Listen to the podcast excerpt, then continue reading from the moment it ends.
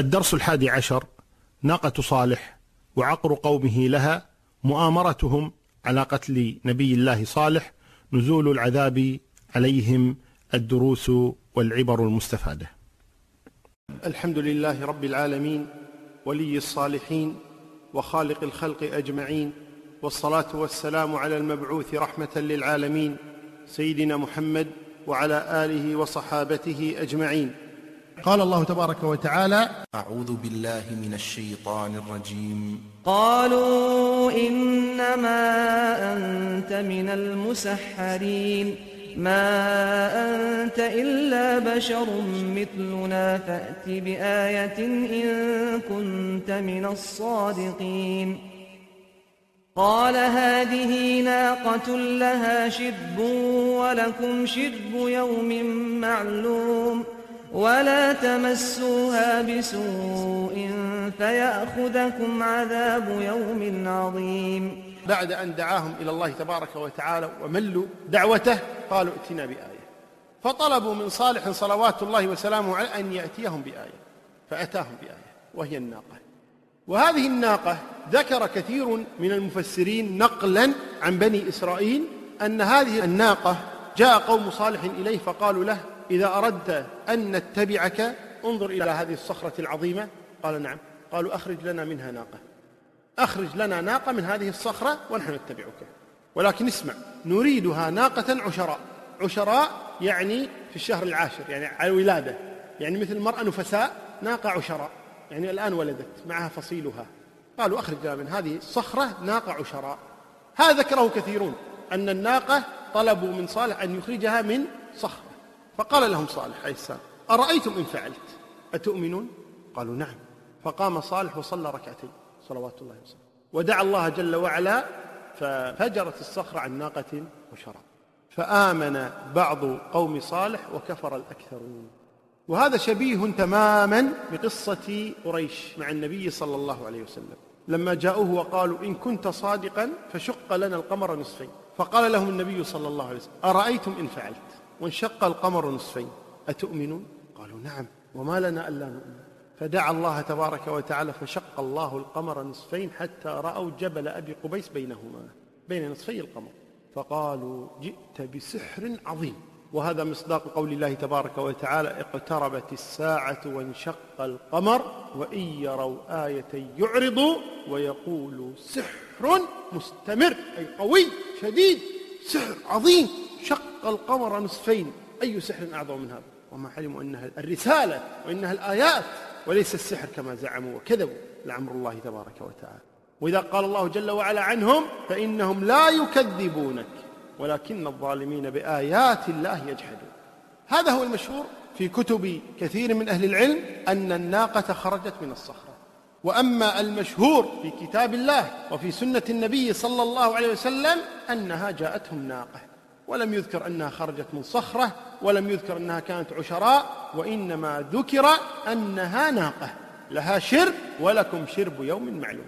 فلا تمسوها بسوء فيأخذكم عذاب يوم فقط. إذن هي ناقة. الله أعلم خرجت من صخرة لم تخرج من صخرة وإنما هي ناقة وكانت آية. وهذه الناقة عظيمة بحيث أن الناس كلهم يشربون في يوم والناقة تشرب في يوم. لها شرب ولكم شرب أبدا كل له شرب هذا هو المعلوم عن الناقة في كتاب الله وسنة النبي صلى الله عليه وآله وسلم. وأما ما يقال غير ذلك فكله الله أعلم به. ولكن المعلوم أن هذه الناقة نسبها الله لنفسه فقال ناقة الله وسقياها. والله لا ينسب الشيء إلى نفسه إلا تعظيما له. روح الله ناقة الله بيت الله. فكلما نسب الله شيئا إلى نفسه فهذا لتعظيمه وتشريفه. فهذه نسبها الله إليه. ونسبتها إلى الله كما قال أهل العلم إما أن يكون للتشريف والتكريم والتعظيم لهذه الناقة. وإما لأن هذه الناقة لا مالك لها من البشر فتنسب إلى مالكها الأصلي وهو الله سبحانه وتعالى. وإما نسبت إلى الله لأنها خرجت من الصخرة كما قيل ليس لها أب معلوم ولا أم فنسبت إلى الله لم تتطور بالخلق كما يتطور غيرها وإنما خلقت من غير ذكر ولا أنثى. ولذلك يلغزون يعني بعض الناس يلغزون فيقولون ثلاثة لم يكونوا من ذكر ولا أنثى. ما هي هذه الثلاثة؟ فيقول ناقة صالح وعصا موسى وسفينة نوح يعني لم يكن لها مثيل من قبل. فالله أعلم بهذا. ولكن الشاهد من هذا أن هذه الناقة لها شأن عظيم. هذا الذي نريد أن نصل إليه وهو أن هذه الناقة لها شأن عظيم عند الله تبارك وتعالى. فقال فذروها تأكل في أرض الله. إذا هي ناقة الله وهذه أرض الله. ذروها إذا تأكل في أرض الله. لا تأكل من زروعكم التي زرعتموها أنتم ولكن تأكل من أرض الله مما أنبته الله سبحانه وتعالى. ثم قال ولا تمسوها بسوء لا تمسوا هذه الناقة بسوء أي سوء؟ في أكلها في شربها في الإضرار بها في قتلها بعقرها بأي سوء؟ سوء نكرة أي بأي سوء؟ لا تمسوها بسوء فيأخذكم عذاب عذاب. إذا مسستم هذه الناقة بسوء. ثم قال فاذكروا آلاء الله ولا تعثوا في الأرض مفسدين. إذا هذه هي الناقة. يقول الله تبارك وتعالى عن أولئك القوم كذبت ثمود بالنذر فقالوا أبشرا منا واحدا نتبعه. إنا إذا لفي ضلال وسعر. ألقي الذكر عليه من بيننا بل هو كذاب أشر سيعلمون غدا من الكذاب الأشر هذا أيضا من اتهامهم لنبي الله صالح أنهم اتهموه بالكذب بل بالكذب الشديد فقالوا كذاب أشر. استمر هذا أياما. ثم بعد ذلك عقروا الناقة كما قال الله تبارك وتعالى فعقروا الناقة وعتوا عن أمر ربهم وقالوا يا صالح ائتنا بما تعدنا. وقالوا يا صالح ائتنا بما تعدنا إن كنت من المرسلين. كيف قتلت هذه الناقة؟ ذكر أهل العلم أنه قتلها امرأة يقال لها صدوق بنت المحيا. وهذه المرأة جاءت لرجل يقال له مصرع ابن مهرج. جاءت هذه المرأة وعرضت نفسه عليها وكانت امرأة جميلة. فقالت أتزوجك؟ ومهري ناقة صالح. وذكرت قصة أخرى وهي لامرأة اسمها عنيزة. عجوز هذه المرأة لها أربع بنات. فجاءت لرجل يقال له قدار ابن سالف. فقالت له أزوجك أي بناتي شئت؟ إن قتلت ناقة صالح. يقال هذا ويقال هذا ويقال الاثنان معا.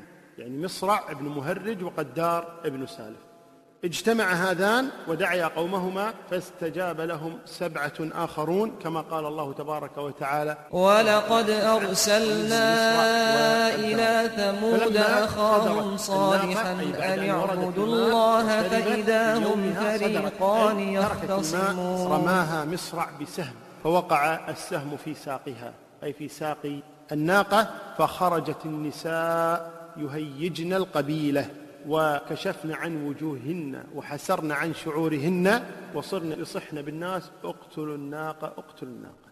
فقام إليها قدار بن سالف هذا فشد عليها بالسيف فخرت ساقطة ثم طعنها في لبتها. وقد ذكرنا أنه كان لها فصيل يعني ولد صغير ابن الناقة الفصيل. لما رأى قتل أمه فر هذا الفصيل وصعد على الجبل ثم رغى ثلاث رغيات. وقيل إنه قتل مع أمه يعني الفصيل. والقرآن والسنة لم يأت فيهما ذكر لهذا الفصيل وإنما ذكرت الناقة وحدها فالله أعلم. عاقر الناقة هو قدار بن سالف. أخبر عنه النبي صلى الله عليه وسلم فقال انتدب لها رجل ذو عزة ومنعة في قومه كأبي زمعة. وهذا الحديث أخرجه الإمام البخاري في صحيحه. ما ذكر النبي اسمه ولكن ذكر صفته. قال انتدبها رجل ذو عزة. ذو عزة يعني أنه قليل مثله ما في مثل هذا الرجل. ثم قال ومنعه ذو عزة ومنعه يعني شهامة صاحب شهامة وقوة.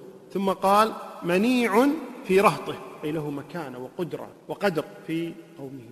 هذا هو قاتل الناقة. وقد جاء من حديث عمار بن ياسر عن النبي صلى الله عليه وسلم أنه قال لعلي رضي الله عنه ألا أحدثك بأشقى الناس؟ فقال علي بلى يا رسول الله. قال رجلان أحدهما أحيمر ثمود الذي عقر الناقة والثاني الذي يضربك يا علي. وهذا أخرجه ابن أبي حاتم وفيه ضعف. كذبت ثمود بطغواها إذ انبعث أشقاها. فقال لهم رسول الله ناقة الله وسقياها.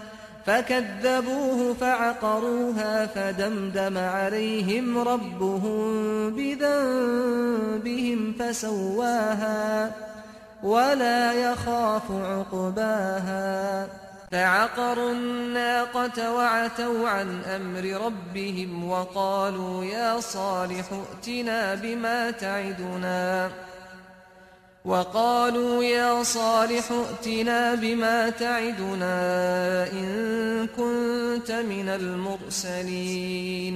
فنسب العقر إلى الجميع ولم ينسبه إلى قدار بن سالف أو مصرع ابن مهرب وإنما نسبه إلى جميع ثمود وذلك لرضا الجميع بقتل الناقة ولذلك جاء عن قتادة رضي الله عنه ورحمه أنه قال إن عاقر الناقة قال لا أقتلها حتى ترضوا جميعا.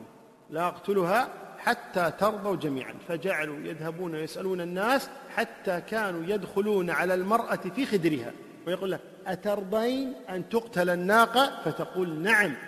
حتى سألوا الصبية أترضى أن تعقر الناقة؟ فقالوا نعم. فلذلك نسب الله تبارك وتعالى عقر الناقة إلى جميع ثمود وكلهم عقروا الناقة. وفي قول الله تبارك وتعالى فعقروا الناقة وعتوا عن أمر ربهم وقالوا يا صالح ائتنا بما تعدنا إن كنت من المرسلين. وهذا من أشنع الكفر والعناد والجبروت والجهل والعياذ بالله. وذلك أنهم جمعوا في كلامهم هذا كفرا بليغا من أوجه كثيرة. أولا خالفوا أمر الله وأمر رسوله لأنه قال ولا تمسوها بسوء. فهم لم يكتفوا بمسها بسوء حتى عقروها وقتلوها والعياذ بالله. ثم كذلك استهزأوا برسولهم عندما قالوا إن كنت من المرسلين. فهذا تكذيب له واستهزاء به صلوات الله وسلامه عليه. ثم كذلك استعجلوا وقوع العذاب. فقالوا ائتنا بما تعدنا إن كنت من المرسلين. وهذا حال الكفار في كل زمان ومكان.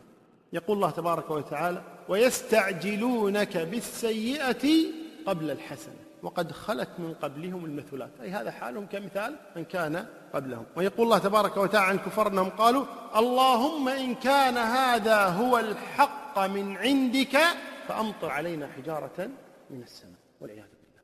ولذلك هذا جهل عظيم. بدل أن يقولوا يا صالح إن كنت من المرسلين فاسأل الله لنا أن يهدينا أن يرحمنا أن يتوب علينا. لا فأتنا بما تعدنا إن كنت من المرسلين. يقول الله تبارك وتعالى وكان في المدينة تسعة رهط يفسدون في الأرض ولا يصلحون. قالوا تقاسموا بالله لنبيتنه وأهله ثم لنقولن لوليه ما شهدنا ما شهدنا مهلك أهله وإنا لصادقون. ومكروا مكرا ومكرنا مكرا وهم لا يشعرون. فانظر كيف كان عاقبة مكرهم أنا دمرناهم وقومهم أجمعين فتلك بيوتهم خاوية بما ظلموا إن في ذلك لآية لقوم يعلمون وأنجينا الذين آمنوا وكانوا يتقون. هذه جريمة ثانية أعظم من الجريمة الأولى. الجريمة الأولى قتل الناقة. الجريمة الثانية التي لم يتمكنوا منها قتل صالح صلوات الله وسلامه. أرادوا قتل نبي الله صالح. لنبيتنه. تقاسموا بالله. حلف بعضهم لبعض. لنبيتنه وأهله. أي ندخل عليهم ليلا نكبسهم ليلا نقتلهم هو وأهله. ثم لنقولن لوليه لنقولن لوليه. إذا كان له أولياء كان له رهط كانت له قبيلة كان هناك من يدافع عنه. وهذا يدل على أنهم كانوا يخافون منهم ويحسبون لهم ألف حساب. وإذا قصدوه ليلا ولذلك أرادوا أن يعتذروا لأهله. ثم لنقولن لوليه ما شهدنا مهلك أهله. وإنا لصادقون. انظروا إلى قولهم وإنا لصادقون. هذا عجيب. قال بعض أهل العلم إنا لصادقون. أنهم ما شهدوا لأنهم جاءوهم ليلا وقتلوهم ليلا ظلمة ما رأوا شيئا. فيقول ما رأينا مهلك يعني تورية.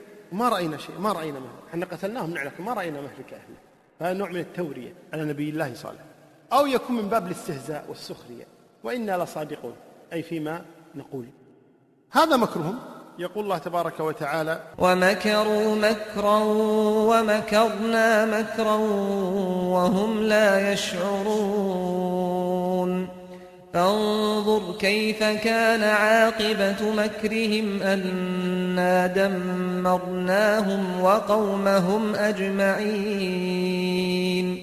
فانظر كيف كان عاقبة مكرهم. نتيجة. هم مكروا والله مكر. سبحانه وتعالى. نتيجة. فانظر كيف كان عاقبة مكرهم أنا دمرناهم وقومهم أجمعين. هذه هي النتيجة أن الله دمرهم سبحانه وتعالى. وفي قولهم ثم لنقولن لوليه ما شهدنا مهلك أهله هو تماما كما سيقوله قوم شعيب لشعيب صلوات الله وسلامه عليه قالوا يا شعيب ما نفقه كثيرا مما تقول وإنا لنراك فينا ضعيفا. ولولا رهطك لرجمناك. يمنعنا رهطك. كما منع رهط صالح صالحا صلوات الله وسلامه عليه. وقالوا من خبثهم وضلالهم نقتل صالح. فإن كان صادقا عجلناه إلى الجنة. وإن كان كاذبا ألحقناه بناقته. هكذا كانوا يقولون. قتلوا الناقة قرروا أن يقتلوا نبي الله صالح. هذا مكروه. الآن التدخل من فوق تدخل من الله تبارك وتعالى. يريدون المكر بنبيه ورسوله صالح صلوات الله وسلامه عليه. فمنع الله عنهم المطر تخويفا وإنذارا فقال المستكبرون من أولئك القوم إن صالحا سبب منع المطر وهو شؤم علينا هو ومن معه من المؤمنين. قالوا طيرنا بك وبمن معك. يعني منع منا المطر بشؤمك أنت ومن معك. قال طائركم عند الله. الشؤم منكم. هذا عذاب من الله. طائركم معكم. أئن ذكرتم أو أذكركم بعبادة الله الذي ينعم عليكم بالليل والنهار ثم أكون أنا شؤما عليك أنتم الشؤم. منعتم المطر بسبب معاصيكم. وهذا التطير معروف عند الجميع. وذاك يأتينا التطير في قصة تابع موسى صلوات الله وسلامه عليه الذي جاء إلى القرية ودعاهم إلى الله تبارك وتعالى وجاء معه مرسلون آخرون. فدعوهم إلى الله تبارك وتعالى قالوا إنا تطيرنا بكم. قالوا طائركم معكم. أين ذكرتم؟ بل أنتم قوم مسرفون. يتطيرون بهم. يتطيرون بالمؤمنين. والتطير عند العرب هو أن الواحد منهم إذا قصد شيئا سفرا زواجا تجارة أي شيء يأخذ طيرا ثم يتركه يطير. فإذا اتجه الطير جهة اليمين قالوا خيرا. فيتجهون إلى مقصدهم. وإذا اتجه الطير جهة اليسار قالوا شرا. فيمتنعون عن هذا العمل. وهذا من أجهل الجهل. فالطير بهيمة لا تفهم ولا تدري ما يريدون من الأعمال فهو يطير حيث شاء يمينا أو شمالا. وذاك ذكر أن طاووس بن كيسان إمام من أئمة التابعين سافر مع رجل وهما في الطريق مر غراب فنعق. يعني صح الغراب. فقال الرجل هذا الذي مع طاووس خير خير. فالتفت إليه طاووس قال أي خير في هذا؟ غراب نعق. أي خير في هذا وأي شر؟ والله لا أسافر معك أبدا. لا أرفضك ولذلك عندنا نحن هنا في هذه البلاد إذا شافوا أبو بشير ها قالوا خير جاء الخير. لا يأتي خير ولا يأتي شر. ولذلك سموه أبو بشير يعني المبشر بالخير. وهو لا يبشر بخير ولا يبشر بشر. ظلوا بعد هذه المدة وانقطاع المطر عنهم وطلبوا من صالح أن يستعجل لهم العذاب. فلما وعدهم صالح ثلاثة أيام. بعد ثلاثة أيام يأتيكم العذاب. وعد غير مكذوب. فجاء يوم الأحد وهو اليوم الثالث الذي جاءهم فيه الهلاك. بدأ العذاب من يوم الخميس وذلك أنهم أصبحوا فإذا وجوههم مصفرة. كل يرى الثاني وجهه مصفرا. فجاءوا يوم الجمعة فإذا وجوههم محمرة. فجاءوا يوم السبت فإذا وجوههم مسودة. فجلسوا في أماكنهم ينتظرون العذاب. سبحان الله. شيء عجيب. وفعلا لما جاء يوم الأحد بمجرد أن أشرقت الشمس فإذا العذاب قد عمهم جميعا. يقول الحافظ ابن كثير رحمه الله تعالى وعدهم به صالح صيحة من السماء من فوقهم ورجفة شديدة من أسفل منهم ففاضت الأرواح وزهقت النفوس وحقت الحقائق فأصبحوا في دارهم جاثمين لا أرواح فيها ولا حراك بها. وقد ذكر الله عذابهم في أكثر من آية فقال جل وعلا فأخذتهم الرجفة في الأعراف وقال في هود فأخذ الذين ظلموا الصيحة وقال في الشعراء فأخذهم العذاب. وقال في النمل أنا دمرناهم. وقال في فصلت فأخذتهم صاعقة العذاب الهون. وقال في القمر إنا أرسلنا عليهم صيحة واحدة فكانوا كهشيم المحتضر. أي كالهشيم المتفتت الزرع اليابس المتفتت والعياذ بالله. يقول جل وعلا بعد أن أهلكهم وأبادهم سبحانه وتعالى وأخذ الذين ظلموا الصيحة فأصبحوا في ديارهم جاثمين. كأن لم يغنوا فيها ألا إن ثمود كفروا ربهم؟ ألا بعدا لثمود؟ أي صاروا بسبب هلاكهم وخراب ديارهم كأنهم لم يقيموا بها ولم يسكنوها أبدا. وفي هذا تحذير شديد لمن يغتر بهذه الدنيا وزخارفها. والله إنه لمشهد مؤثر. ما بين الحياة والموت إلا لمحة واحدة أو غمضة عين. كأن لم يغنوا فيها. كأن لم يكن. ما سبق من حياته تتخذون من سهولها قصورا وتنحتون الجبال بيوتا زرور وأنهار. وخير كأن لم يغنوا فيها. فتولى عنهم أي نبي الله صالح وقال يا قوم لقد أبلغتكم رسالة ربي ونصحت لكم ولكن لا تحبون الناصحين. فتولى عنهم وقال يا قوم لقد أبلغتكم رسالة ربي ونصحت لكم ولكن لا تحبون الناصحين. وهنا كلمهم بعد هلاكهم مر عليهم وهم جثث. جثث هامدة متناثرة جاثمين. مر عليهم نبي الله صالح وخاطبهم قائلا صلوات الله وسلامه عليه. لقد أبلغتكم رسالة ربي ونصحت لكم ولكن لا تحبون النصح. وهذا حق كما خاطب النبي صلى الله عليه وسلم أهل بدر. أهل قليب بدر لما جاءهم نبي الله صلوات الله وسلامه عليه جلس عند رأس البئر بعد أن ألقي كفار مكة في بئر بدر جاءهم النبي صلى الله عليه وسلم وبدأ ينظر في البئر ويقول هل وجدتم ما وعد ربكم حقا؟ فإنا وجدنا ما وعد ربنا حقا. فهل وجدتم ما وعد ربكم حقا؟ فالتفت إليه عمر. قال يا رسول الله إنهم أموات. قال والله يا عمر ما أنت بأسمع لي منهم. يسمعون يسمعهم الله. خزي في الحياة الدنيا عذاب نفسي قبل العذاب البدني ثم يأتي العذاب الأخروي والعياذ بالله. عن ابن عمر رضي الله عنه أن رسول الله صلى الله عليه وسلم مر بقرى ثمود فاستسقى الناس من الآبار وعجنوا فأمرهم النبي صلى الله عليه وسلم فأهراقوا القدور وعلفوا العجين للإبل ونهاهم أن يدخلوا على القوم الذين عذبوا وقال إني أخشى أن يصيبكم مثل ما أصابهم فلا تدخلوا عليه. وهذا أخرجه الإمام أحمد. ولذلك بعض الجهلة يذهب إلى تلك الأماكن ويصور ويفرح ويضحك. والنبي صلى الله عليه وسلم نهى عن ذلك وقال لا تدخلوا على هؤلاء المعذبين. مر عليهم النبي صلى الله عليه وسلم في الحجر. قال لا تدخلوا على هؤلاء المعذبين إلا أن تكونوا باكين. فإن لم تكونوا باكين فلا تدخلوا عليهم أن يصيبكم مثل ما أصابهم. وهذا أخرجه البخاري ومسلم. وعن عامر بن سعد قال لما كان رسول الله صلى الله عليه وسلم في غزوة تبوك سارع الناس إلى أهل الحجر يدخلون عليهم. فقال رسول الله صلى الله عليه وسلم ما تدخلون على قوم غضب الله عليهم. فقال رجل نعجب فقال صلوات الله وسلامه عليه أفلا أنبئكم بأعجب من ذلك؟ رجل من أنفسكم ينبئكم بما كان قبلكم وما هو كائن بعدكم؟ فاستقيموا وسددوا فإن الله لا يعبأ بعذابكم شيئا. العبر والدروس من هذه القصة العظيمة أولا أن جميع الأنبياء دعوتهم واحدة. ومن كذب واحدا فقد كذب الجميع كما قال الله جل وعلا كذبت ثمود المرسلين. ثم كذلك أن العاقبة دائما تكون لرسل الله صلوات الله وسلامه بعد أن يصل الطغيان إلى منتهاه. فإن الله يمهل ولا يهمل سبحانه وتعالى. إن من أكبر موانع قبول الحق اتباع الآباء. وإن الآيات مهما كانت واضحة فإن المجرمين قد لا يهتدون بها كما رأوا الناقة ثم لم يؤمنوا بها. والله أعلى وأعلم. وصلى الله وسلم وبارك على نبينا محمد. جمعية إحياء التراث الإسلامي فرع رميثية وسلوى.